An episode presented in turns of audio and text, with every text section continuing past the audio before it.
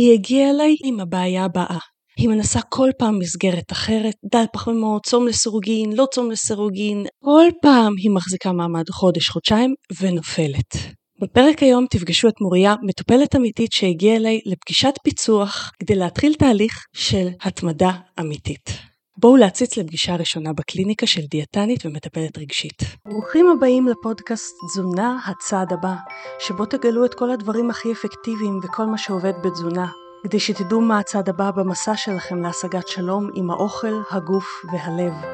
אני רותי פינק, דיאטנית קלינית ומטפלת רגשית, המדריכה שלכם במסע הזה של להחזיר את האוכל להיות פשוט אוכל, ועל הדרך להשיג את השליטה שתמיד הרגשנו שאנחנו יכולים להשיג מולו. אחרי שראיתי כמה השיטות הקונבנציונליות לשינוי תזונתי לא עובדות עבורי ועבור המטופלים שלי, יצאתי למסע לדייק ולשפר את ההישגים של מטופליי, ואת הידע הזה אני חולקת איתכם כאן. אני בעלת קליניקה אונליין שעוזרת לאנשים מכל קצוות הארץ, מרצה ומדריכה דיאטנים ומטפלים, ודיאטנית שחושבת בעיקר מחוץ לקופסה. הדבר החשוב ביותר עבורי הוא לעזור לאנשים לשחרר את עצמם מהכבלים המיותרים באכילה ובחשיבה שלהם, שעוצרים אותם מלהגיע לשינוי שהם באמת מחפשים, וזאת תוך כדי השגת המטרות הבריאותיות והתזונתיות שלכם. ועכשיו לפרק.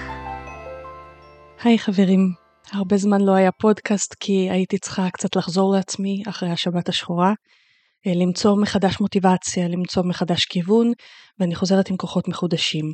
בפרק היום הקלטתי לכם שיחה ראשונה עם מטופלת אמיתית שהגיעה לפגישה ראשונה. היא הגיעה עם הבעיה שהיא לא מצליחה להתמיד יותר מחודשיים שלושה מזה כמה שנים בשום מסגרת. בואו נתחיל ונראה איך מיפינו את הבעיה שלה ואיך התחלנו את התהליך בצורה שהיא יצאה עם תקווה חדשה. אז היי אישה יקרה, אנחנו כאן בשביל לפתור את האתגר שלך שכתבת לי על ההתמדה לאורך זמן. כתבת, אני יודעת להתחיל, אבל אני מתחילה לזייף פה ושם בערך אחרי חודשיים, ובסוף נשברת והכל מתעופף, וכתבת גם שזה קורה במיוחד כשאת רואה שאת יורדת יפה, נכון? נכון. הדיאטה הראשונה שלי הייתה אחרי הלידה הרביעית, בערך בגיל 30, אה, משהו כזה, כשפתאום קלטתי שאני מגיעה למשקל שיא. ואז אמרתי, היי, היי, מה קורה פה? אוקיי, אני עוד מעט רואה את המאה, אז uh, סטופ. ופשוט הלכתי לקבוצת uh, תמיכה. אמרו לי, תעשי, ככה אוכלים, אני כזה, אה וואלה, ככה צריך לאכול, סבבה, פשוט אכלתי ככה. תוך שנה, אפילו קצת פחות, ירדתי 24 קילו, והיה מהמם, וכאילו לא היה לי שם שום אישו.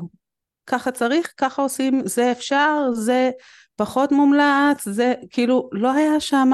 כנראה בגלל שזו הייתה הדיאטה הראשונה שלך, כי זה מאוד מאוד נפוץ באמת בדיאטה הראשונה. אני מסכימה כן. לגמרי איתך. ואז אבא שלי נפטר פתאומיות, והייתה לי הפלה, וכל מיני דברים כאלה ביחד, שפשוט אה, נכנסתי לאכילה רגשית. אה, בנוסף, אה, לפני כן ניסיתי לתקופה כלשהי תזונה שהיא ללא סוכר וללא גלוטן. וסביב זה היה הרבה אסור, הרבה לא. או חס וחלילה, התחלתי להסתכל על כל, כל, כל הרכיבים שלא יהיה שם איזה סוכר או תחליף סוכר. כל זה היה כזה פחות או יותר במקביל, ואז פשוט עליתי בטירוף, כאילו בלי, אכלתי בכלל בלי, כאילו גם נכנסתי להיריון שכן, החזיק מעמד ברוך השם וזה, ופשוט עליתי בהיריון ההוא איזה 30 קילו, בסך הכל. ומאז אני פשוט אה, אה, כל פעם אני, אני מבינה, אני, אני רוצה, אני זוכרת איזה כיף היה להיות רזה יותר, כי, כי זה קל וזה כיף, ווואו, להיכנס לחנות, לא, לא אשכח את הפעם הראשונה שנכנסתי לאיזה חנות, ואמרתי לה, טוב, תביא לי מה המידה הגדולה, הכי גדולה שלך. והיא כזה מידה הכי גדולה, בסוף קניתי אצלה איזה מידה 36. כאילו, זה פשוט היה כיף, באמת. והכי חשוב באמת היה הקלילות, זה באמת הכי אה, משמעותי. ומאז, ממש מאז, כל פעם שניסיתי, אני, אני התחלתי תוכנית כלשהי, והצלחתי להתמיד, אבל זה היה כל כך הרבה התעסקות מסביב, וכל כך הרבה אסור ומותר, ואז ברגעים כאלה של אוף, אני עייפה טוב, אני ארשה לעצמי רק קצת, ואז כאילו זה פשוט מין גלגל כזה שאני, כאילו זה, זה מצחיק, כי אני בן אדם ש... אני, יש לי מטרות, אני משיגה אותן, לא משנה מה. ופה זה משהו שהוא שונה. כאילו, אני, יש לי את המטרה הזאת, ואני מבינה, גם עכשיו גם בריאותית, אני מבינה כמה אני צריכה, ואני אני מסתכלת לזה בלבן של העיניים, ועדיין כל פעם אני מתחילה, ופשוט אחרי שאני רואה, אפילו לפעמים אני רואה אפילו איזה שמונה קילו, שזה מדהים, ואז אני, אה, טוב, נו, ירדתי יפה, אז אני יכולה רק קצת פה, רק קצת פה, ואז טוב, נו, את כבר הרשית לעצמך, אז גם קצת פה, והכל הולך. אני חושבת שזה בעיקר סביב האסור אה, כזה, כאילו, אסור, אסור, מותר, אסור. זהו, את אומרת שני דברים, ושניהם יכולים להקשות, ואני רוצה באמת שנדייק. את אומרת שדברים שהם יותר אסור מותר, כלומר חשיבה יותר שחור או לבן על אוכל, עם כללים יחסית נוקשים ממה שאני שומעת, היא משהו שמוריד אותך, היא משהו שקשה לך לשמור עליו, זה יוצר אצלך התעסקות. ובנוסף, את אומרת, במיוחד כשאת רואה שאת יורדת יפה, את מרגישה שהדברים מתרופפים. עכשיו, זה יכול להיות קשור ביחד גם, כי לפעמים כשאנחנו יורדים יפה, אז אנחנו מרגישים שאוקיי, עכשיו אפשר קצת להרפות מהאסור ומותר שהחזקתי כל כך קצר. אבל אני רוצה לוודא אם זה קשור אחד בשני או שזה דברים נפרדים. ולכן תספרי לי קצת, הנה את שמה לב, נגיד את בדיאטה תורנית שלך, ואת רואה שאת יורדת יפה, מה קורה שם בתפיסה, במחשבות, מה, מה השיח הפנימי מתחיל לספר לך, שגורם לך להרפות קצת פה, קצת שם, או בכלל? שאלה טובה. זה איזשהו מין קול uh, כזה ש... אומר, הנה, את מצליחה, את, את כל כך הקפדת, כל כך עבדת קשה, אז, אז קצת תרפי ועדיין תמשיכי לרדת. אז את לא צריכה לרדת אה, קילו ב, בשבוע, כן, לא, סתם זרקתי מספר. אז, אז תרדי קצת פחות, אבל עדיין תרדי, הנה, את גם תהני מהחיים, וגם תרדי אולי קצת יותר לאט, אז זה שווה לך. כאילו, כל עוד אני מחזיקה, אני לא באמת נהנית. אה, לא, לא מהאוכל, אני מאוד אוהבת אוכל בריא. אבל יש שם משהו שהוא, יש לי כל כך הרבה דברים בחיים שלי שאני צריכה להחזיק, באמת. אני בן אדם מאוד עסוק, ולהחזיק גם את זה, את העניין של התזונה, כנראה שזה מוגבל בזמן להצליח לג'נגל את הכל. אם אנחנו בתזונה מוגבלת של אסור, מותר, ותזונה שאנחנו מרגישים שאנחנו צריכים להחזיק, זה כל כך הרבה פעמים החזקה לאורך היום. תחשבי על זה, אפילו ארוחה אחת. האם אני מתחילה את הארוחה עכשיו או יותר מאוחר? האם אני מסיימת אותה עכשיו או יותר מאוחר? האם מותר לי את זה? האם מותר לי את הביס הבא? אני מדברת על ה mindset הזה של ההגבלה שהרבה פעמים הדיאטה נוצרת. אז זה באמת לוקח הרבה כוחות, ויש לך ברוך השם משפחה גדולה, יש התכות, זה כשלעצמו המון המון להחזיק. אז עוד להחזיק את זה, וזה דיברנו רק על ארוחה אחת, מה בין כל ארוחה לארוחה, מה עם עוד ארוחות. ההתעסקות הזאת כשלעצמה היא כאילו מורידה לך את ההנאה קודם כל מהאוכל, כי את אומרת אני אוהבת את האוכל הבריא. אבל אני, אם אני מבינה נכון, את כבר לא חווה את ההנאה של האוכל הבריא הזה מרוב כמה שאת צריכה להחזיק שם באמת. האם אני איתך? זה לא שחור לבן, אני, אני כן נהנית מאוכל בריא, אני רואה איך זה עושה לי טוב, אבל זה המועקה על הלהתארגן הכל מראש ולהכין ולהצליח כמו שצריך להיות uh, מאופסת על הכל, זה outweighs את האוכל, את ההנאה מהאוכל הבריא, כאילו זה מעבר ל... כלומר, אם אני מבינה נכון, מה שקורה שם כשאת יורדת יפה, בדיוק קשור לקושי הזה של האסור ומותר. זה. הלהחזיק את זה, הלהכין את זה מראש, הלחשוב על זה מראש, הלהתארגן על זה, שמעייף אותך. יש לנו שתי מוטיבציות שאנחנו פועלים לפיהם, ומוטיבציה אחת פשוט נעלמת. המוטיבציה שאני מדברת עליה שהיא נעלמת זה מוטיבציה של uh, away from, מוטיבציית הנמר. אם נמר רודף אחריך, אתה בורח. מה זה נמר במקרה שלנו? משקל גבוה. אתה רוצה לברוח ממשקל גבוה, אתה רוצה לטפל בו, אבל הנה, את רואה שהמשקל יורד, הנמר כבר הפסיק לרדוף, את כבר בתהליך, אז למה לרוץ אם הנמר הפסיק לרדוף? אז קשה לך להחזיק את הבריחה הזאת כבר, כי היא מעיקה עליך ומעייפת אותך. כלומר, דבר ראשון שאני שומעת זה אנחנו צריכים למצוא איזושהי דרך ליצור מצב שהירידה במשקל לא תהיה משהו מעיק, לא תהיה משהו שצריך המון המון להחזיק, נכון? לגמרי, לגמרי. אוקיי, עכשיו אני רוצה גם לשאול אותך כתבת, אני טיפוס שיודע להתמיד בחיי, אני לא נשברת או פוחדת מקשיים, אבל דווקא בתזונה אני כל פעם נופלת. אני רוצה שתחשבי רגע על קושי כלשהו שכן התמדת בו, והוא היה ארוך, והוא דרש ממך תשומת לב. מה היה ההבדל שם שכן הצליח לך לאורך זמן, לעומת בתזונה? מה שונה שם? טוב, אני עכשיו באמצע אחד השינויים הגדולים בחיים שלי שלוקח הרבה זמן. אני הייתי מורה במשך עשר שנים. עד שהבנתי שאני לא רוצה להיות, כאילו שאני רוצה להיות מיילדת. הדרך לשם הייתה מאוד מאוד מאוד ארוכה, אני עדיין באמצע, אני באמצע קורס מיילדות עכשיו.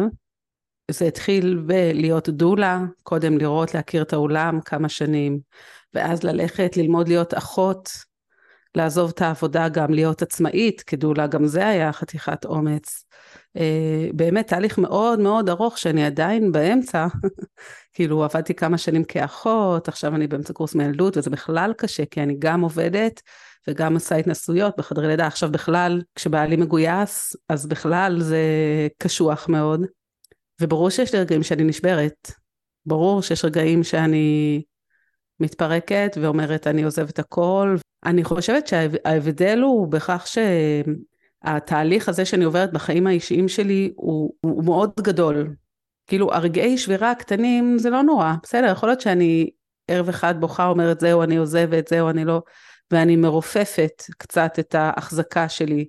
אפשר קצת להיות פחות על זה, פחות להשקיע נגיד, בתקופה של הלימודים, מבחנים, היה שלב שאמרתי, די, אני לא לומדת למבחן, בסדר, ועברתי את המבחן, אבל פה זה משהו שהוא יותר, לא יודעת אם להגדיר קטן מבחינת ההסתכלות ה, כאילו היומיומית. כאילו יש מקרו ומיקרו כזה, זה כאילו זה, זה משהו שהוא מאוד מאוד יומיומי להקפיד על תזונה. אז כשיש לי את הרגעים האלה שאני אומרת שנייה אני, אני לא אלמד למבחן אני לא אתכונן על אוכל אני לא אתארגן על אוכל מראש אני לא אביא איתי אז ההשפעה היא מיידית הרבה יותר מתהליך של כמה שנים שיש ups and downs פה הדאונס הם שוברים אותי. במה את רואה בעצם את ההשפעה המיידית? נניח סתם דוגמה שאת אה, נשברת במשהו או לא הקפדת על משהו חד פעמי. במה את חווה את ההשפעה המיידית? תראי, אז זה בא לידי ביטוי נגיד בזה שאני לא מתארגנת מראש על אוכל, אני יוצאת ליום עבודה ואני לא, לא מכינה איתי, לא, לא הבאתי איתי ירקות, לא הבאתי איתי לחם מותאם, או, או אה, בתקופות שבלי לחם, את יודעת, כאילו, לא משנה, משהו של התזונה, ואז אני לא אוכל, ואני אגיע הביתה מורעבת, ואני לא אמצא את עצמי, כי עכשיו אני גם מורעבת וגם מותשת, ואז גם אני לא אמצא שום דבר לאכול, כי לא התארגנתי על זה מראש, ואז בסוף אני פשוט לא יודעת מה, אטרוף איזה משהו, שהכי בא לי ושהוא הכי מפנק ולא נורא, ואני לא יודעת לשים בדיוק את האצבע על מה בדיוק קורה שם, אבל, אבל זה, זה כאילו, זה, זו הדרך שלי ל, להתרופפות, ואני לא יודעת אם להגדיר את זה נפילה, כן? אבל סוג של נפילה. כאילו זה, כשאני לא מחזיקה את זה כל הזמן, אז, אז זה בדיוק זה, אני מורעבת ואני מותשת, ואז מגיע לי, והיה לי כל כך קשה, ואני כזה, נו יאללה, די, תפסיקי עם השטויות שלך, תאכלי רק קצת, רק קצת, וזהו. כן, את מדברת על דו-שיח פנימי שקורה אצל המון אנשים, כמו דיון כזה, בין החלק שאומר, אבל רגע, יש לנו מטרה, לבין החלק הזה שאומר, מה, אני עייף. והנה, את רואה, הייתה שם נפילה. אני רוצה אבל שנייה למקד. מה שאת אומרת בעצם זה כמה דברים. קודם כל, אם הייתה איזושהי התרופפות קלה ברמה מסוימת, משהו קורה שם שגורם להתרופפות קומפלט. לעומת אדם אחר, אה, היפותטי, שאומר, אוקיי, טוב, התרופפות קלה. משהו קורה שם שונה מול ההתרופפויות בתזונה לעומת נגיד התהליך המדהים שאת עוברת אה, בשביל להיות מיילדת. כי גם שם יש אין לי כוח, יש נפילות, יש אה, די אני לא לומדת עכשיו או whatever, או אני לא הולכת ללימודים עכשיו כי whatever, אבל שם זה לא אומר, טוב, אני אפסיק ללמוד אה, להיות אה, מיילדת. מה זה הדבר הזה שעושה את ההבדל שם, לעומת התזונה?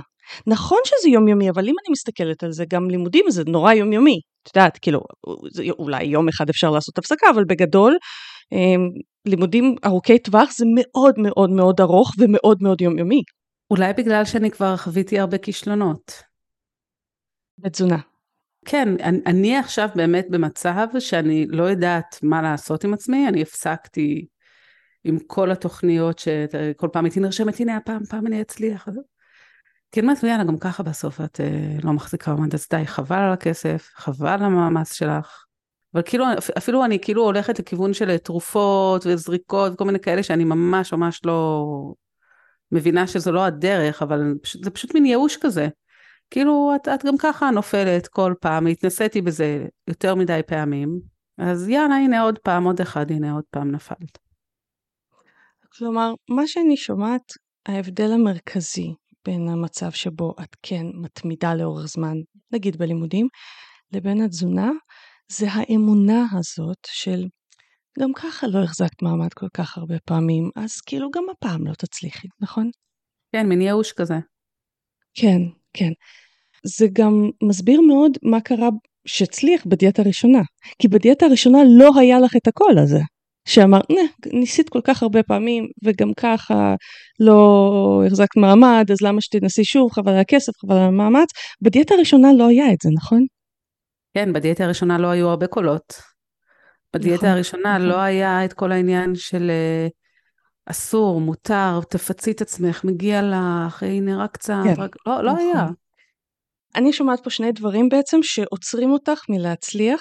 הדבר הראשון שיש לך צורך למצוא משהו שלא דורש כל כך הרבה החזקה, משהו מאוד גמיש, משהו שמאוד מתאים לך ולא יוצר משטר, כי כתבת לי משטרים ממוטטים אותי. וזה נכון, תחשבי על כל משטר טוטליטרי, טוטליטרי בתזונה זה אני השליט או הדיאטנית או הגורו תזונה או המסגרת whatever אומרת לך מה את צריכה, מה את לא צריכה לעשות, נקודה. זה לעומת משטרים ליברליים יותר שאומרים לכל אזרח יש זכות לבחור בפני עצמו. כלומר, מה שאת מחפשת זה משהו פחות טוטליטרי. את מחפשת את הזכות להיות גמישה עם עצמך, לבחור בעצמך. במצב שזה לא יהיה צורך בכל כך הרבה החזקה, יש סיכוי גבוה, ותקני אותי אם אני טועה, שהצורך לפצות את עצמך ירד. כי על מה את מפצה את עצמך, את אומרת? על זה שאת עובדת קשה. אני איתך? לגמרי, לגמרי. והדבר השני שאני שומעת שעומד בינך לבין להצליח, זה היכולת הזאת להכיל את הנפילות בדיוק כמו שאת מכילה אותם בלימודים שלך וכן הלאה. כי אני לא אחדש לך שום דבר, אבל אין אדם בעולם שאין לו את התחושה הזאת של יואו איך אין לי כוח. אין אדם בעולם, מול תזונה אני מתכוונת, יואו לא בא לי את זה למרות שזה אני יודע שזה טוב לי. אין אדם בעולם ש, שכל הזמן שומר והאמונה הזאת שיש לך של הנה זה הוכחה שזה לא יעבוד כי נפלתי, קודם כל היא נובעת כי החזקת את עצמך מאוד קשה וכי דיאטות של משטרים נועדו לכישלון אצל רוב האנשים, אבל גם כי יש צורך אולי ליצור איזושהי תפיסה חדשה של הנפילות כמנוע לתהליך במקום כמשהו שמפיל לגמרי. ולמה אני מתכוונת? בואי נניח מצב היפותטי, את uh, בקורס ואין לך כוח היום ללכת לקורס. אוקיי? מה את עושה? קר מאוד. מה את עושה במצב כזה? זה קורה כמעט כל יום. אוקיי, אז יש לי לא- איזושהי לא- רמה של משטר שאת צריכה בעצם להפעיל על עצמך שם. אני פשוט לא מתבחבשת, אני קמה והולכת, אני כזה, אוקיי, לא בא לך, יופי, אז מה, קומי, את חייבת. אין, כאילו, אין שם. אפילו אה, דיון. ובואי נניח, אני רוצה שביקום מקביל נדמיין אותך יום אחד לא מצליחה להזיז את עצמך. יום אחד לא הלך, כי באמת לא הצלחת להזיז את עצמך. כן. אני, טוב, אני קצת אתבאס על עצמי, אבל אני גם אגיד לעצמי, לא נורא. כאילו, בסדר, אז, אז שבוע הבא תעבדי יותר. ו... כי אני חייבת מספר מסוים של uh, ימי uh, uh, התנסות. בסדר, לא קרה כלום. כאילו ממשיכים, זה לא זה מה שיגרום לי לעזוב את הקורס. שימי לב, את ממש ממש מדברת פה כאוקיי, טוב, קרה, לא נורא, ממשיכים. זה בדיוק ההכלה הזאת של הנפילה, ואני אפילו מזמינה אותך ללמוד תפיסה נוספת שאומרת, מה אני לומדת מהנפילה הזאת כדי שהיא פחות תקרה בפעם הבאה, כמו למשל, מה קרה לי שלא הצלחתי להזיז את עצמי ללימודים, שאני לא אגיע למצב הזה. שוב, אולי לא חילקתי את האנרגיה שלי נכון ונגמרה לי האנרגיה ברמה יוצאת דופן, אז איך אני אחלק את האנרגיה שלי יותר נכון? ואז הנפילה היא בעצם חלק מתהליך מתמשך שלך של ללמוד ולהשתפר בלמידה שלך.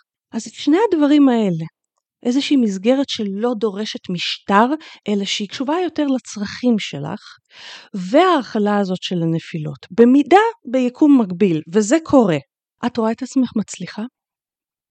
תראי, זה חלק אחד. הרי זה, זה עניין מאוד מורכב. ברור שזה יהיה לי הרבה יותר קל, כשלא צריך uh, כל הזמן להיות על זה ולהחזיק את זה, ויש אמ, uh, פה גם את העניין של uh, נגיד לצאת ולרצות להיות כמו כולם, או לרצות להגיע למקום שאני יכולה להזמין מה שאני רוצה. יש את העניין של... אה, שאוכל זה באמת uh, מקום של פינוק ושל התרפקות ושל שחרור, ויש דברים שאני מאוד אוהבת, ולא, תחליף של כאילו, אה, זה לא זה, זה לא אותו דבר. אז uh, אני, תראי, אני, אני הייתי הרי במלא סוגי תזונה, כן? אז, אז כאילו אני יודעת, מבינה שזה לעבור תהליך של מה זה פינוק בשבילי ומה זה התרפקות, וזה לא צריך לבוא לידי ביטוי באוכל וכל הדברים האלה, אבל עדיין זה קיים בתוכי. עדיין, אני לא אשכח, הייתה שנה שהקפדתי מדהים על תזונה נטורופטית, וזה עזר לי להחלים מבעיית עור שסבלתי ממנה שנים. ו- וזו הייתה תזונה מעולה, ממש הייתי על זה.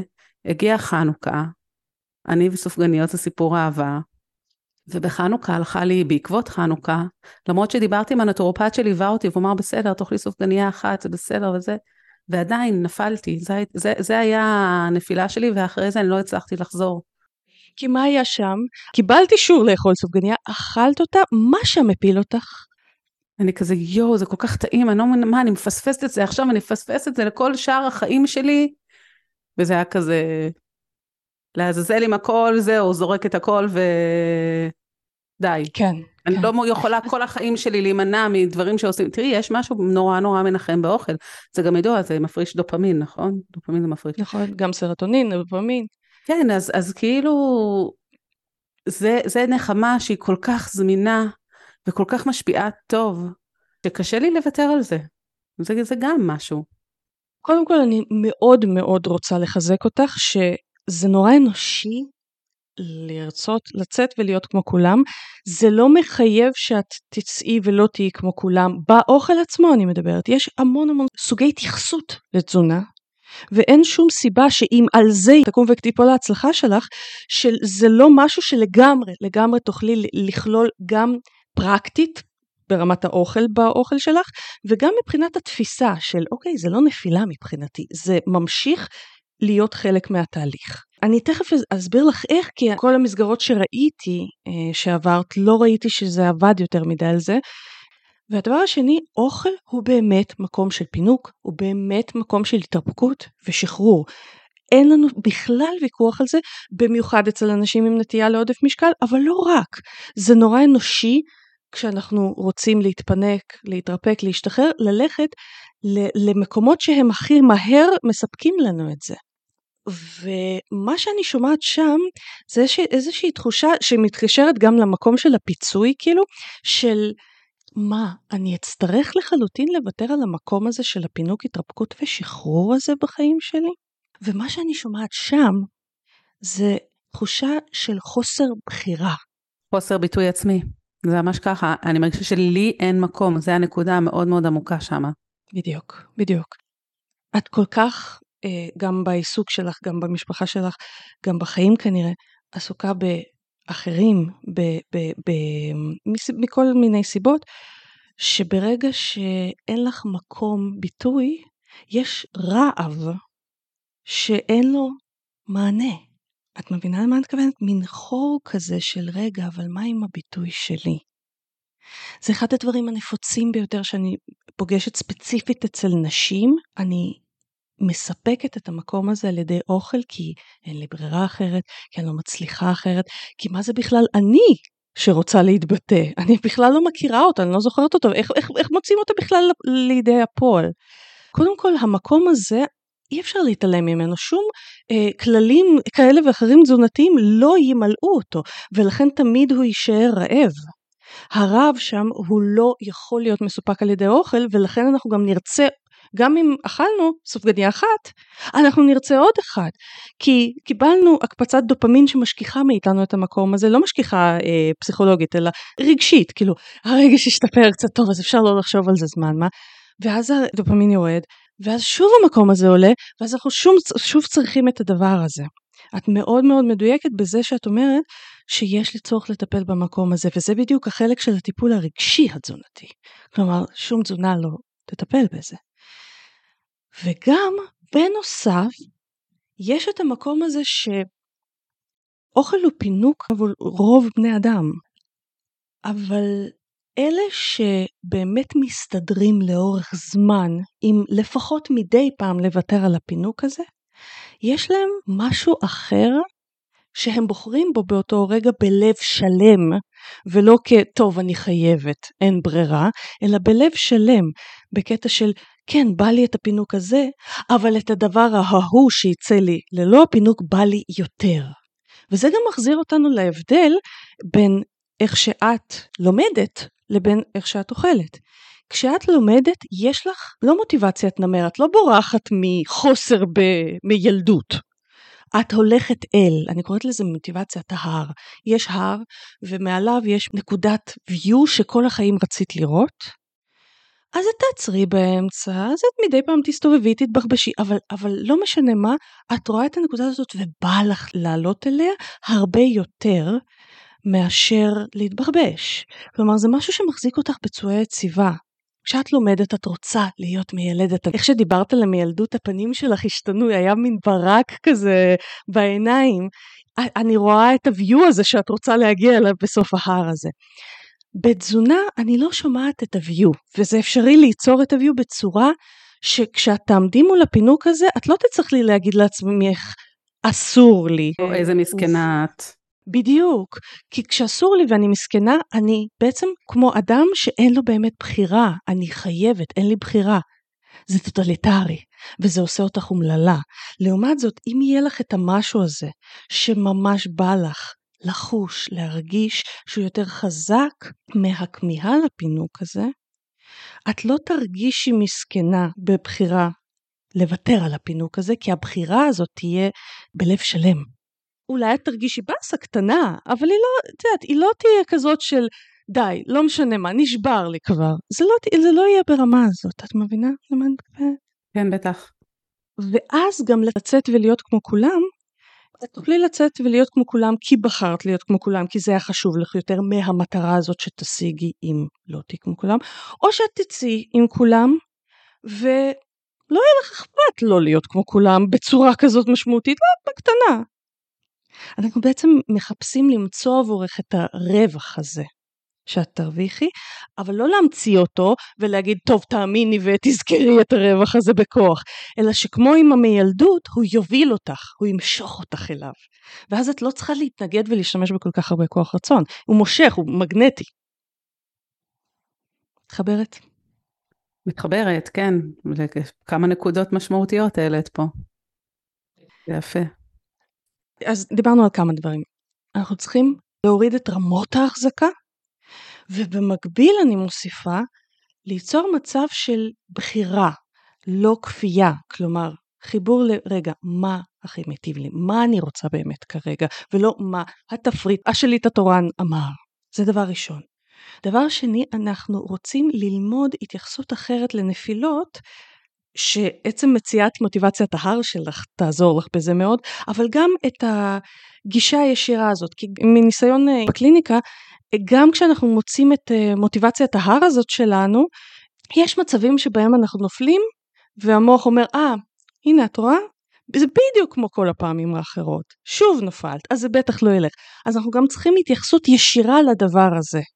ועוד שני דברים. הדבר הנוסף זה היכולת אה, הזאת ליצור בהדרגה מקום משלך, שלא יצטרך כל כך הרבה מילוי רגשי על ידי האוכל, שזה כמובן, זה תהליך באמת ארוך טווח, רגשי, פסיכולוגי.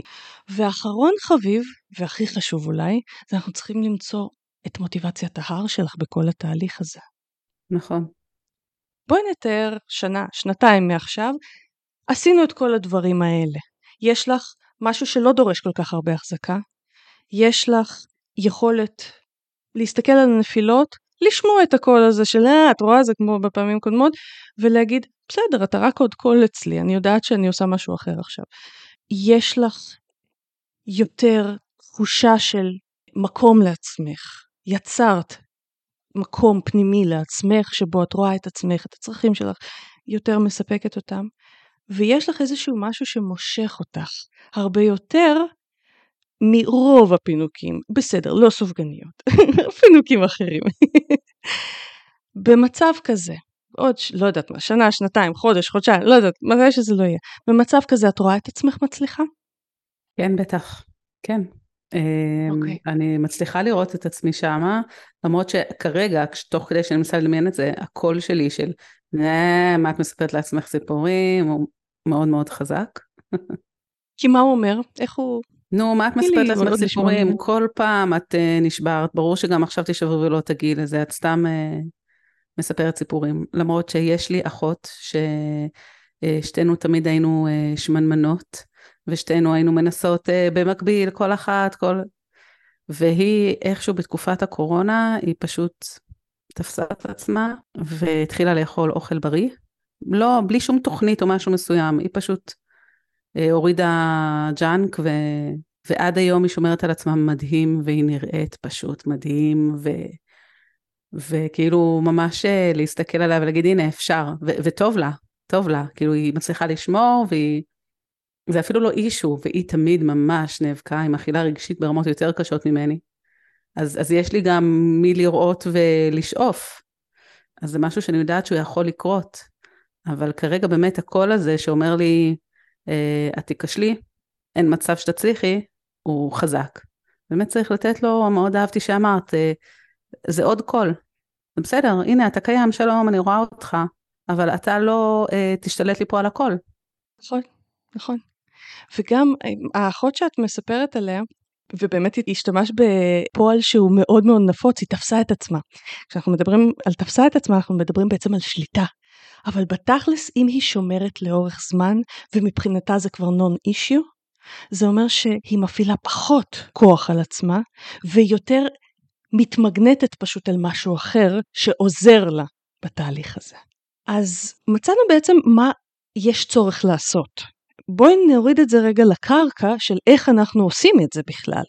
עכשיו, מאוד חשוב לי להדגיש שזה לא משהו שנוכל להוריד לקרקע בפגישה אחת, כי אה, רק למצוא את המקום של עצמך, יש לי לקוחות שעושות את זה תוך חודשיים שלושה, יש לי לקוחות שעושות את זה אפילו תוך שנה, מס, בצורה מספקת שמורידה את הצורך באכילה רגשית כדי למלא את, ה, את הריק הזה שנוצר כשאנחנו לא נותנים לעצמנו את המקום הרגשי הזה.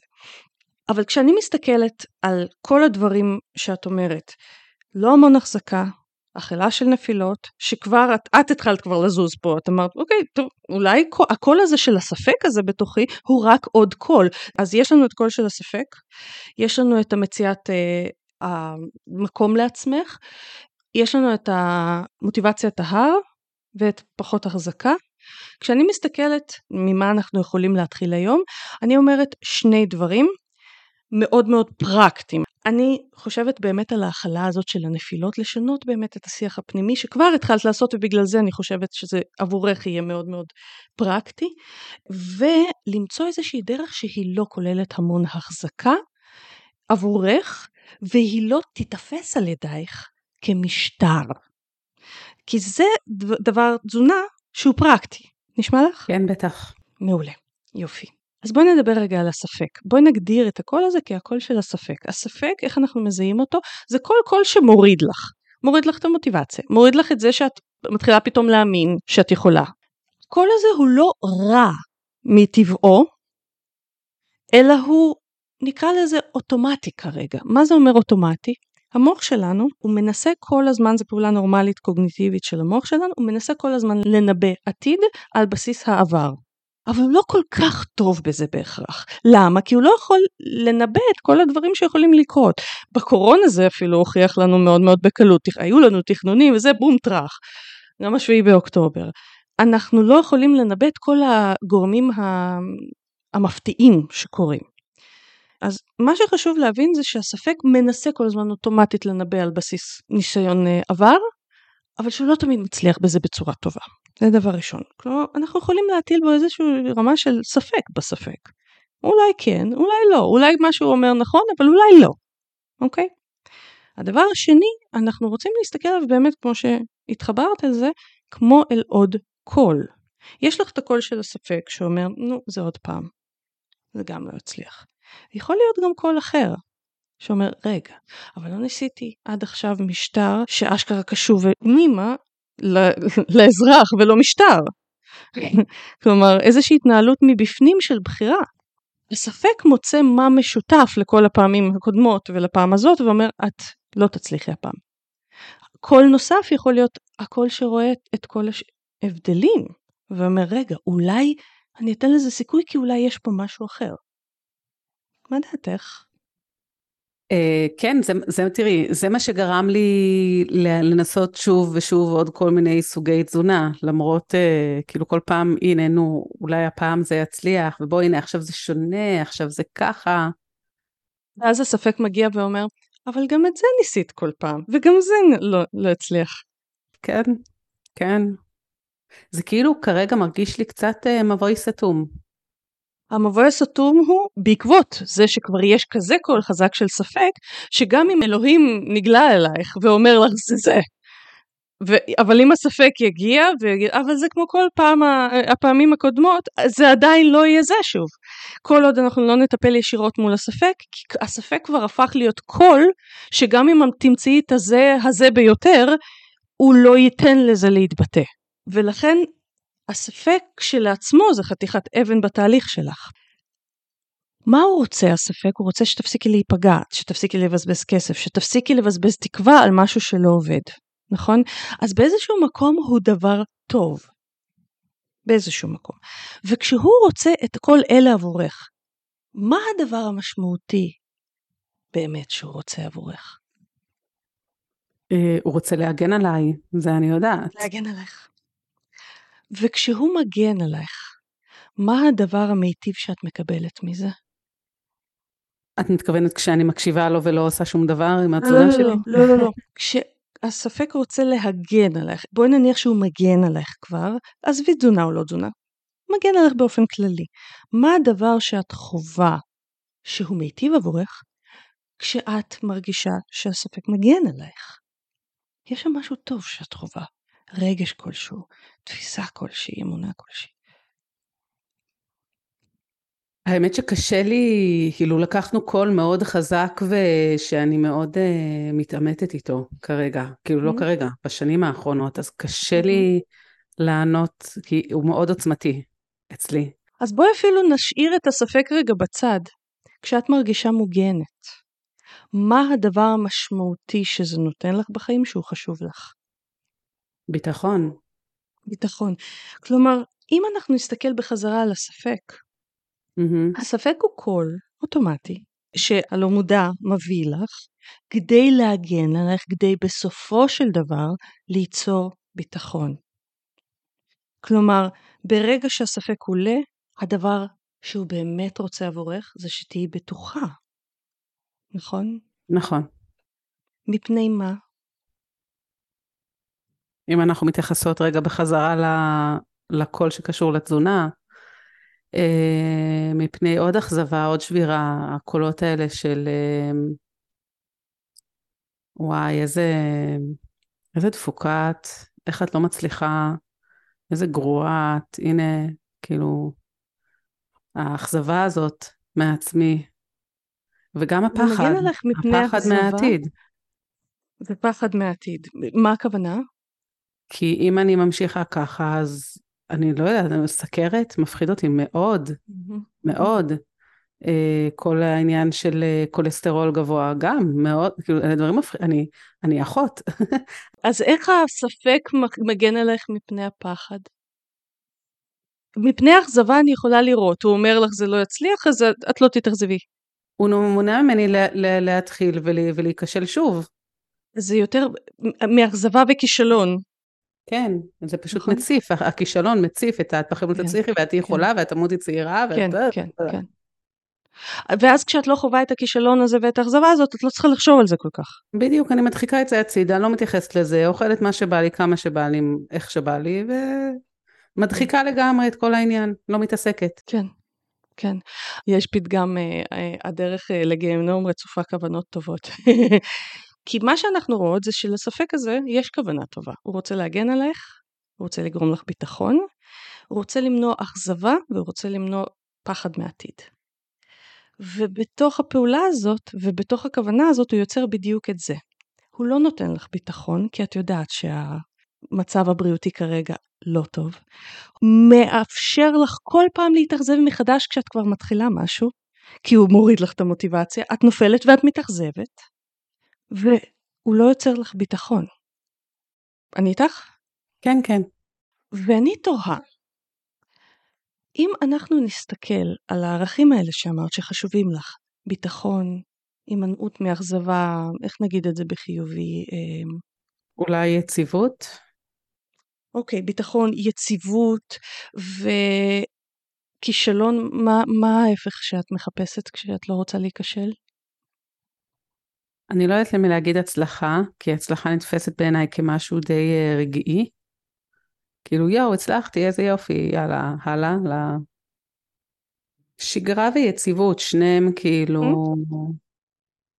ואת מחפשת את הבריאות, נכון? ברור. באיזוש... הספק רוצה עבורך ביטחון בעצם, הוא רוצה עבורך כן יציבות, כדי שלא כל הזמן תתאכזבי, נכון? יציבות ש... ושגרה, נכון? כן. האם אנחנו יכולים לראות איך התמדה באיזשהו, לא משטר, אלא דרך קשובה תזונתית לעצמך, תתרום לך את אותם ביטחון, שגרה ויציבות שהספק רוצה עבורך? בטח. התמדה זה אפשר להגיד ההפך מהספק הזה. כי זה מה שהספק אומר, את לא תתמידי. אז בעצם כשאת מתמידה ב... בדרך הזאת, הקשובה לעצמך, שלא דורשת את כל המשטור הזה שחווית בעבר, את נותנת לספק את מה שמלכתחילה הוא רצה כשהוא הגיע. ואז במצב כזה, אם אנחנו יכולות להגיד, טוב, ספק, תודה, שמעתי אותך, אני יודעת שאתה רוצה עבורי את הטוב ביותר, הנה, אני איתך באותו, באותה דרך, אני בדרך לשם. כאילו את אומרת שהספק בעצם נולד מתוך הצורך בהתמדה, מתוך הרצון. כן. הוא, בסוף הוא רוצה את אותו הדבר, פשוט לא הולך לו לעזור לך בזה. ואני אומרת, אם מגיע הספק ואומר, זה אותו דבר, את מזהה אותו כספק.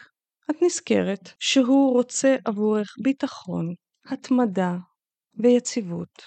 בסוף, ואת יכולה להזכיר לעצמך איך התמדה בדרך שלך תעזור לך בזה הרבה יותר מאשר הספק עזר עד עכשיו? כן, כן, זה, זה יפה. כן, לגמרי, הספק הוא בעצם מה שהוא רוצה זה התמדה, כאילו זה הקול פשוט נכון. שלו. של נכון, ה... נכון. Mm-hmm. אין לנו קול בתוכנו שרוצה עבורנו רע.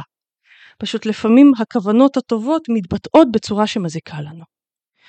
אז האם אנחנו יכולות לסכם שכשהספק מגיע, אני כתבתי לך את זה, את מוזמנת לנסח את זה אולי בצורה קצרה יותר או משהו כזה, אבל כשספק מגיע, את נזכרת שהוא רוצה עבורך ביטחון, התמדה ויציבות, ואת יכולה להזכיר לעצמך איך התמדה בדרך שלך תעזור לך בזה הרבה יותר מאשר הספק עזר עד עכשיו, ואז פשוט להגיד לו, חמוד, אני, אני על זה. כן, כן לגמרי. אוקיי, וכשאת אומרת את זה, כשאת מדמיינת את זה, הספק נרגע קצת? אמ, אני צריכה, אני חושבת אני צריכה ככה קצת אה, לשבת מול זה, ו...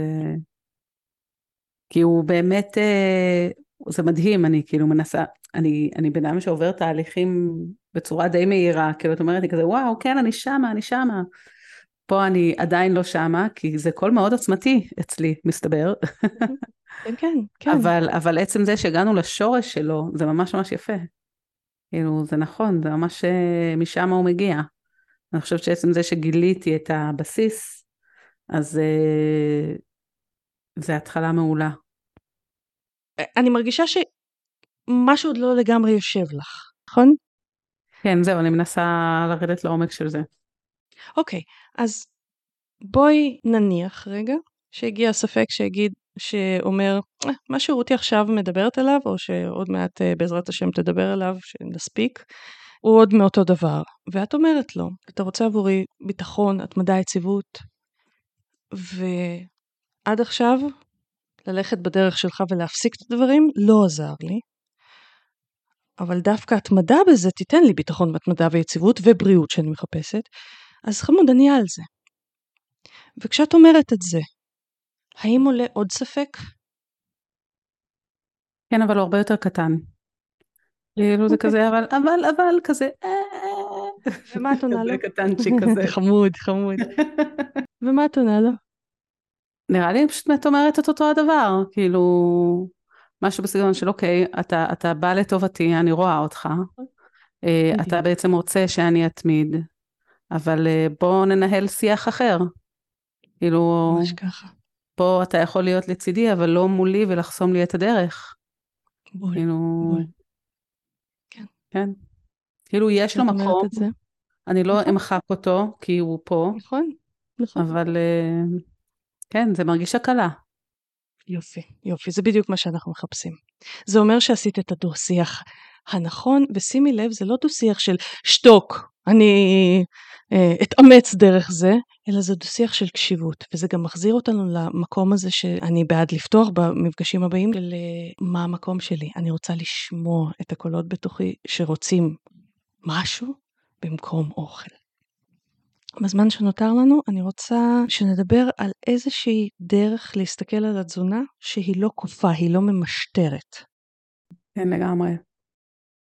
תדמייני עולם אידיאלי שבו יש דרך שאת מתנהלת בה, היא לא גורמת לך לכפייה בשום צורה, היא כן מצריכה ממך אולי איזושהי התארגנות. התארגנות אני לא מדברת על כל יום ויום, אבל התארגנות ברמה נורמטיבית. מה זה רמה נורמטיבית? לבדוק אם יש לי מספיק אוכל, ואם יש לך אוכל איכותי ליום שלי, בלי משטר, פשוט אוכל בריא, אוכל מיטיב, אוכל שיעשה לי טוב. זה התארגנות נורמלית, אנחנו בני אדם גם בתקופות המערות אנחנו היינו צריכים לדאוג לדברים האלה, אז גם כיום, זה התארגנות נורמטיבית. אז בואי תדמייני לעצמך דרך שהיא לא משטר, שהיא דורשת התארגנות נורמטיבית אבל לא מעבר לזה, מה היא צריכה לכלול? קודם כל זה צריך להיות קליל, Mm-hmm. לא הרבה, ועם אפשרות אה, למצוא מה לאכול גם אם לא התארגנתי על זה מראש. הרבה גמישות ומבחר. זהו בגדול. מה אה, בתוך הדבר הזה יגרום לך לתחושה שאת אה, בוחרת ואת לא, שום דבר לא נכפה עלייך? כשהיה לי תזונה שהיה אפשר מנה מותרת, זה עשה לי את כל ההבדל. כי כשראיתי משהו ונורא התחשק לי, אמרתי, אוקיי, אני יכולה, אבל האם אני בוחרת עכשיו לאכול את זה? וכשהייתה לי את המנה המותרת הייתי מתענגת עליה, וואו, חבל על הזמן. וכשידעתי שיש לי את המנה המותרת הזאת פעם בשבוע, זה כאילו, אז, אז ממש לא חגגתי על מנות מותרות כל הזמן, ממש לא, כי ידעתי שכשבא לי אני אעשה את זה כמו שצריך, ואני אהנה מזה. היה שם משהו מאוד מאוד קשוב פנימה ומאוד מאוד בחירתי של מותר לי, אבל האם אני בוחרת בזה עכשיו? ממש. ואם אנחנו מרחיבים את זה אפילו עוד יותר על כל האוכל, נגיד בבית, בבית קפה, את יושבת ואת שואלת את עצמך, מותר לי את הפסטה, את הלזניה, את הניוקי, ווטאבר, מותר לי את העוגת אה, זה, עוגת זה ואת הסופגניה. מותר לי את כל הדברים האלה, גם עכשיו וגם אחר כך. האם אני בוחרת בזה עכשיו? כשאני לוקחת בחשבון שיש לי גם מטרות נוספות, אבל גם את הרצון הזה. האם התייחסות כזאת תיצור לך באמת את התחושה הזאת שאת בוחרת? לגמרי. אוקיי, אז זה באמת מביא אותנו לגישה שאני מאוד מאוד אוהבת. הכל מותר, אבל לא הכל מועיל, או במילים אחרות לא הכל מיטיב כרגע. אני רוצה להתעכב על זה שנייה. שום ברק לא ירד מהשמיים אם את תאכלי סופגניה או שתיים. אז אין שום סמכות בעולם שיכולה להגיד לך זה מותר לך וזה אסור לך. גם הרופא עם הכי הרבה סמכות בעולם שיגיד לך אסור לך, את אדם חופשי. את יכולה גם להמרות את פיו, תכלס. רופאים אומרים למישהו לעשות את זה וזה, ולא כולם עושים, נכון? אז האם אנחנו מסכימות על זה שהכל מותר? לגמרי. מצד שני, האם אנחנו מסכימות שלכל אוכל יש השלכה, השלכה על תחושה פיזית, כלילות, אה, בריאות ודברים כאלה? כן. ברגע שאנחנו אומרים לעצמנו, מותר לי את זה, משהו קודם כל משתחרר בנו כי אנחנו נזכרים שמותר לנו לבחור, ואז כשאנחנו שואלים מה יהיה הכי מדויק ומיטיב עבורי כעת, אנחנו בעצם זוכרים במצב הזה שהארוחה הזאת זה לא הסעודה האחרונה, כן? אנחנו, יהיו לנו עוד הרבה ארוחות בהמשך שגם נוכל לבחור את זה. ואז אנחנו פנויים יותר לבדוק מה אנחנו באמת רוצים ומה סדרי העדיפויות שלנו. יכול להיות שכרגע לאכול את הסופגניה הזאת זה סדר עדיפויות גדול יותר מאשר, אה, לא יודעת מה, להרגיש קלילה. יכול להיות שדווקא המחשבה של וואי איך אני ארגיש נעים אחרי ארוחה שבה נגסתי מהסופגניה, התענגתי על הטעם שלה כי מותר לי, ואז שמתי לב שהריבה לא מדויקת, אמרתי לא בא לי לבזבז את האוכל על משהו שהוא לא מדויק בטעם, והשארתי אותה. עדיין זה, זה גם מצב שהוא מיטיב עבורי. איך את עם התפיסה הזאת? מוכרת לי מאוד. מכל השנים שאני מנסה לעשות באמת עבודה מול, מול זה, מול העניין הזה של הבחירה של האוכל. כשאני נמצאת במצבים כאלה, שאני אומרת, אוקיי, תראי, וזהו, האם, האם זה מה שעכשיו נכון? האם זה מה שיעשה לך טוב? בסופו של דבר, הרבה פעמים זה כזה הקול של יאללה, נו, לעזאזל, די, נמאס מכל החפירות האלה. פשוט אוכלי וזהו, די. כי הצעד שדרוש לפני השימוש בקול הזה בצורה באמת מיטיבה, זה לבדוק מה אני רוצה. בכלל, כאילו, אני לא מדברת באוכל. מה בא לי להרגיש פיזית? איך בא לי להרגיש אחרי זה? הרבה פעמים כשאני מגיעה למקום הזה של נגיד לאכול משהו, אה, הרבה פעמים זה אחר הצהריים כזה. זה די, מספיק עם החישובים, מספיק עם המחשבות, די, mm-hmm, פשוט mm-hmm. תאכלי ותסתמי קצת את המחשבות שלך, תעשי משהו שיעשה לך טוב בבטן, נסתום גם קצת את הבטן וזהו, תשחררי. אגב, זה יכול להיות בדיוק הדבר המיטיב באותו רגע, וזה גם לגיטימי. לפעמים מותר לנו לברוח באוכל, בואי. זה עובד. אז בואי נלך צעד אחד אחורה. תקני אותי אם אני טועה. אני שומעת שכשאת כן ניסית את הגישה הזאת של הכל מותר, מה הכי מיטיב עבורך, מה שקרה זה שהמחשבות העיקו עלייך, ואז בסוף רצית פשוט לסתום את המחשבות ואת התהיות האלה, וחפירות נקרא לזה ככה. נכון? כן. כן. ואני תוהה, האם במצב שהתחלת לשאול את עצמך מה אני באמת רוצה, עלו שם קולות כל כך סותרים, שעצם החוויה של לבדוק מה אני רוצה לא הייתה נעימה לך. אני מתכוונת נגיד לקולות של וואי איך בא לי את הסוגניה הזאת, אבל אסור לך, או אבל זה לא באמת מותר לך, ודברים כאלה. כן, זה כזה, זה לגמרי המקום הזה של רגע, אבל אמרנו שמותר הכל, ואז אני מחליטה מה, מה אני רוצה, מה לא, זו החלטה שלי. ואז הקול השני אומר מה? הקול השני אומר, אה, אה, תפסיקי to overthink everything. ממ-הממ, כאילו, ממ-הממ. די, די, תשחררי פה, הנה, יש מקום שאת לא ממ-הממ. צריכה כל הזמן להיות מוחזקת. כל ממ-הממ. הזמן להקפיד, כל הזמן לעשות ממ-הממ. מה שצריך, תשחררי. כאילו פינג פונג פינג פונג, עד שבסוף זה מעייף. ממש.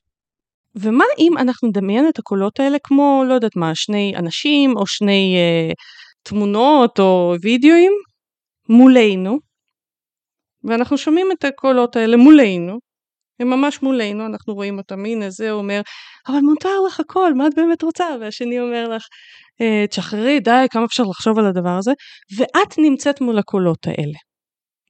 ואת רואה את הקולות האלה, ואת יכולה להחליט למי להקשיב. אוקיי, okay. ברור למי אני רוצה להקשיב. תמיד ברור?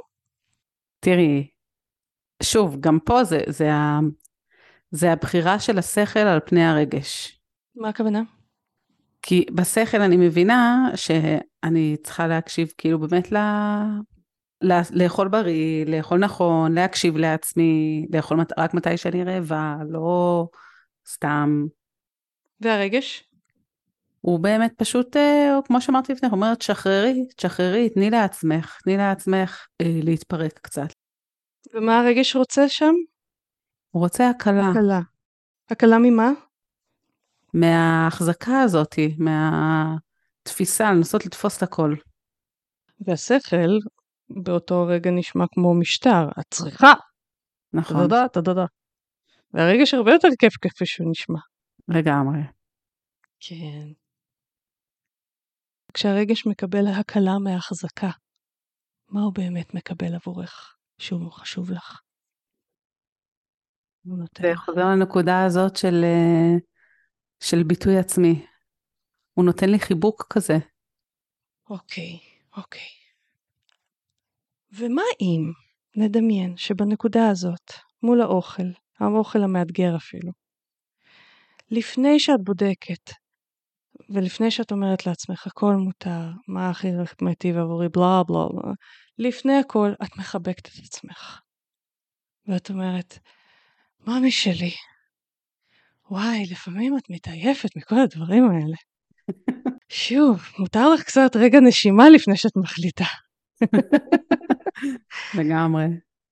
ואז את נותנת לעצמך את החיבוק הזה, ואז את אומרת לעצמך, מאמי שלי, בתוך החיבוק הזה, מה באמת בא לי, לא מתוך ניסיון למרוד במה אני צריכה, אלא בהנחה שבאמת מותר לי הכל, באמת, ואני, לא, ואני מבטיחה לא לשפוט את עצמי על שום בחירה כזאת. מה אני באמת אבחר שיעשה לי עכשיו טוב וגם אחר כך. יפה, נכון. אני חושבת שמתוך זה אני אצליח באמת לקבל החלטה יותר אה, אמיתית. כן. וכשההחלטה הזאת לא תהיה לאכול משהו. או שהיא כן תהיה עם הטרבה, זה בסדר גמור, אבל יש שם בחירה. אני מדברת על אוכל שאחרי זה אני יודעת שיהיה לי רע. כאילו אני יודעת שאחרי זה אני, הוא, הוא לא... זה יהיה לאכול משהו שהוא נעים לי.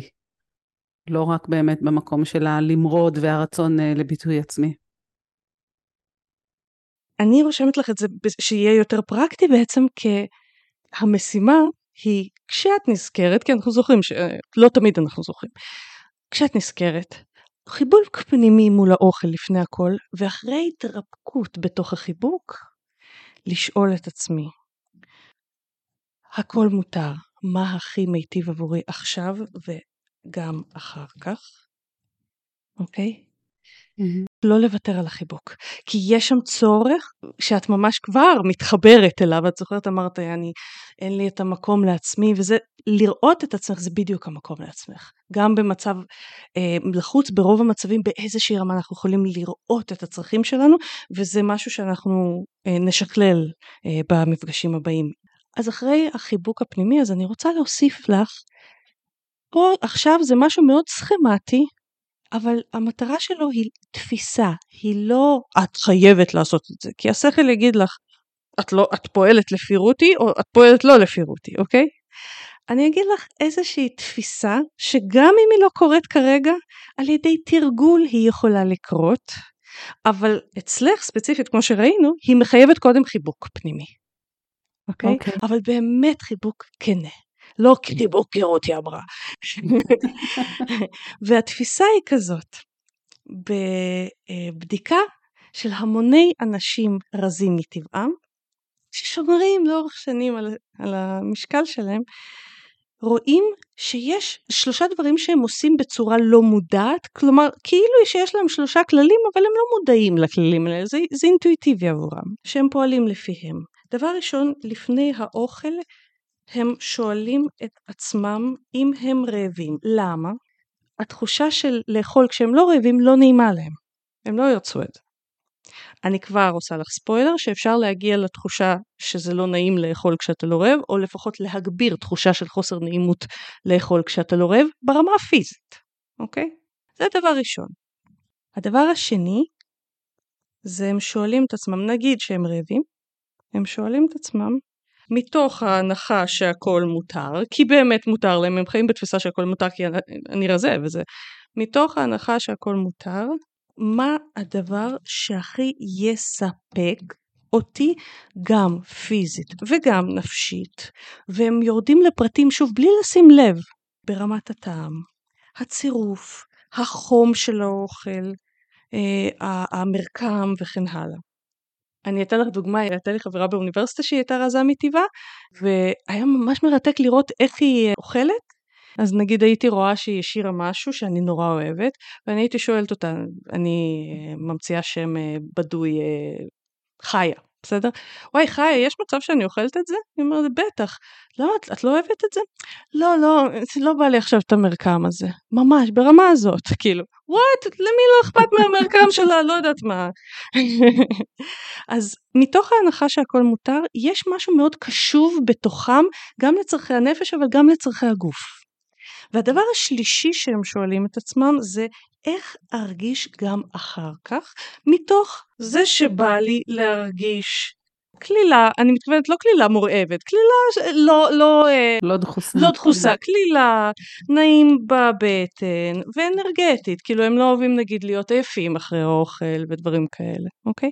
עכשיו, את התפיסה הזאת לוקח קצת זמן לסגל, אבל אני מזמינה אותך להתחיל רק להתאמן עליה אחרי שנתת לעצמך את החיבוק הזה, כי לי מרגיש שהחיבוק הזה מחזיר אותך לקשיבות לא שיפוטית כלפי עצמך, והשאלות האלה מחייבות קשיבות לא שיפוטית. השאלות האלה מחייבות לרוקן את מה שאנחנו יודעים על מה מותר ומה אסור, הן מחייבות אה, לרוקן את מה שאנחנו צריכים לאכול בארוחה הזאת. ובאמת באמת להקשיב פנימה. האם את מוכנה להתחיל להתאמן על זה? בטח, אני, אני על זה, אני עפה. מעולה, מעולה. והדבר האחרון, ש... וזה באמת ברמת הכלל התזונתי, הדבר היחיד שאני אגיד לך, זה שהייתי שמחה לראות בצלחת שלך כרגע, וזה הכלל התזונתי היחיד, חצי מהצלחת ירקות. אז חצי צלחת ירקות עם סקרנות אחרי זה איך הגוף מגיב, לא כי צריך, אלא כי אנחנו מתחילים את התהליך המרתק של הקשב לאיך הגוף שלך מגיב לכל דבר. האם זה מקובל עליך? כן. Mm-hmm. ולפי זה נוכל למשל לדעת איך באמת כדאי לך לאכול. אז כשתגידי לעצמך, וואי, אני יודעת שהאוכל הזה יגרום לכבדות, זה כבר יוצר לך יותר בחירה של בא לי את הכבדות הזאת או לא. לפעמים יבוא לך את הכבדות כי האוכל יהיה יותר שווה. סופגניה, לא יודעת. לא, ואולי לא, אולי אפילו מול הסופגניה. אני מוותרת עליהן נורא בקלות כי הם מרגיש לי כזה יציקת חנוכה בבטן. לא בא לי על זה, אני מוותרת. עוגת גבינה בשבועות הרבה יותר זה, זה בכלל לא שאלה אני אבחר עוגת גבינה אם אני רעבה אוקיי אז זה דוגמאות לאיך אנחנו רוצים להתנהל כבר מתוך קשיבות שאנחנו נפתח בפגישות הבאות. איך את עם מה שדיברנו עד עכשיו? וואו נפלו לי מלא אסימונים מלא ממש ממש ממש כאילו, אני, אני, אני מתה לרשום לעצמי ככה את כל הנקודות ופשוט להתחיל אה, אה, לתרגל את זה, כי זה באמת אה, שינוי שיח, שינוי תפיסה והבנה של עצמי, הסתכלות אחרת על כל עניין האוכל. אני בכלל לא שמתי לב שזה בגלל שאני לא נותנת מקום לעצמי, וזה כל כך זה. ממש. מהמם. מתרגשת. אני מתרגשת איתך, יקרה שלי. אז אני מקווה שנהניתם מהפודקאסט היום. אם מצאתם אותו מועיל, אשמח אם תדרגו אותו באפליקציית הפודקאסטים שלכם, ספוטיפיי, אפל או כל דבר אחר, כדי שעוד אנשים יוכלו להיחשף אליו. אם אתם רוצים תכנים רבים נוספים בחינם על אכילה רגשית, התמכרות לאוכל, תזונה דלת פחמות וצום לסורוגין, אתם מוזמנים לאתר שלנו או לאינסטגרם ולפייסבוק שלנו, שהלינקים אליהם מופיעים בהערות לפודקאסט. חשוב להדגיש שהפודקאסט לא מהווה תחליף לייעוץ אישי ונועד לצורכי מידע בלבד. בכל שאלה רפואית או תזונתית יש לפנות ישירות לאיש מקצוע. אנחנו ניפגש בעוד שבוע, ועד אז מזמינה אתכם לשתף אותי מה הצעד הבא שלכם השבוע ליצירת שלום עם האוכל, הגוף והלב שלכם.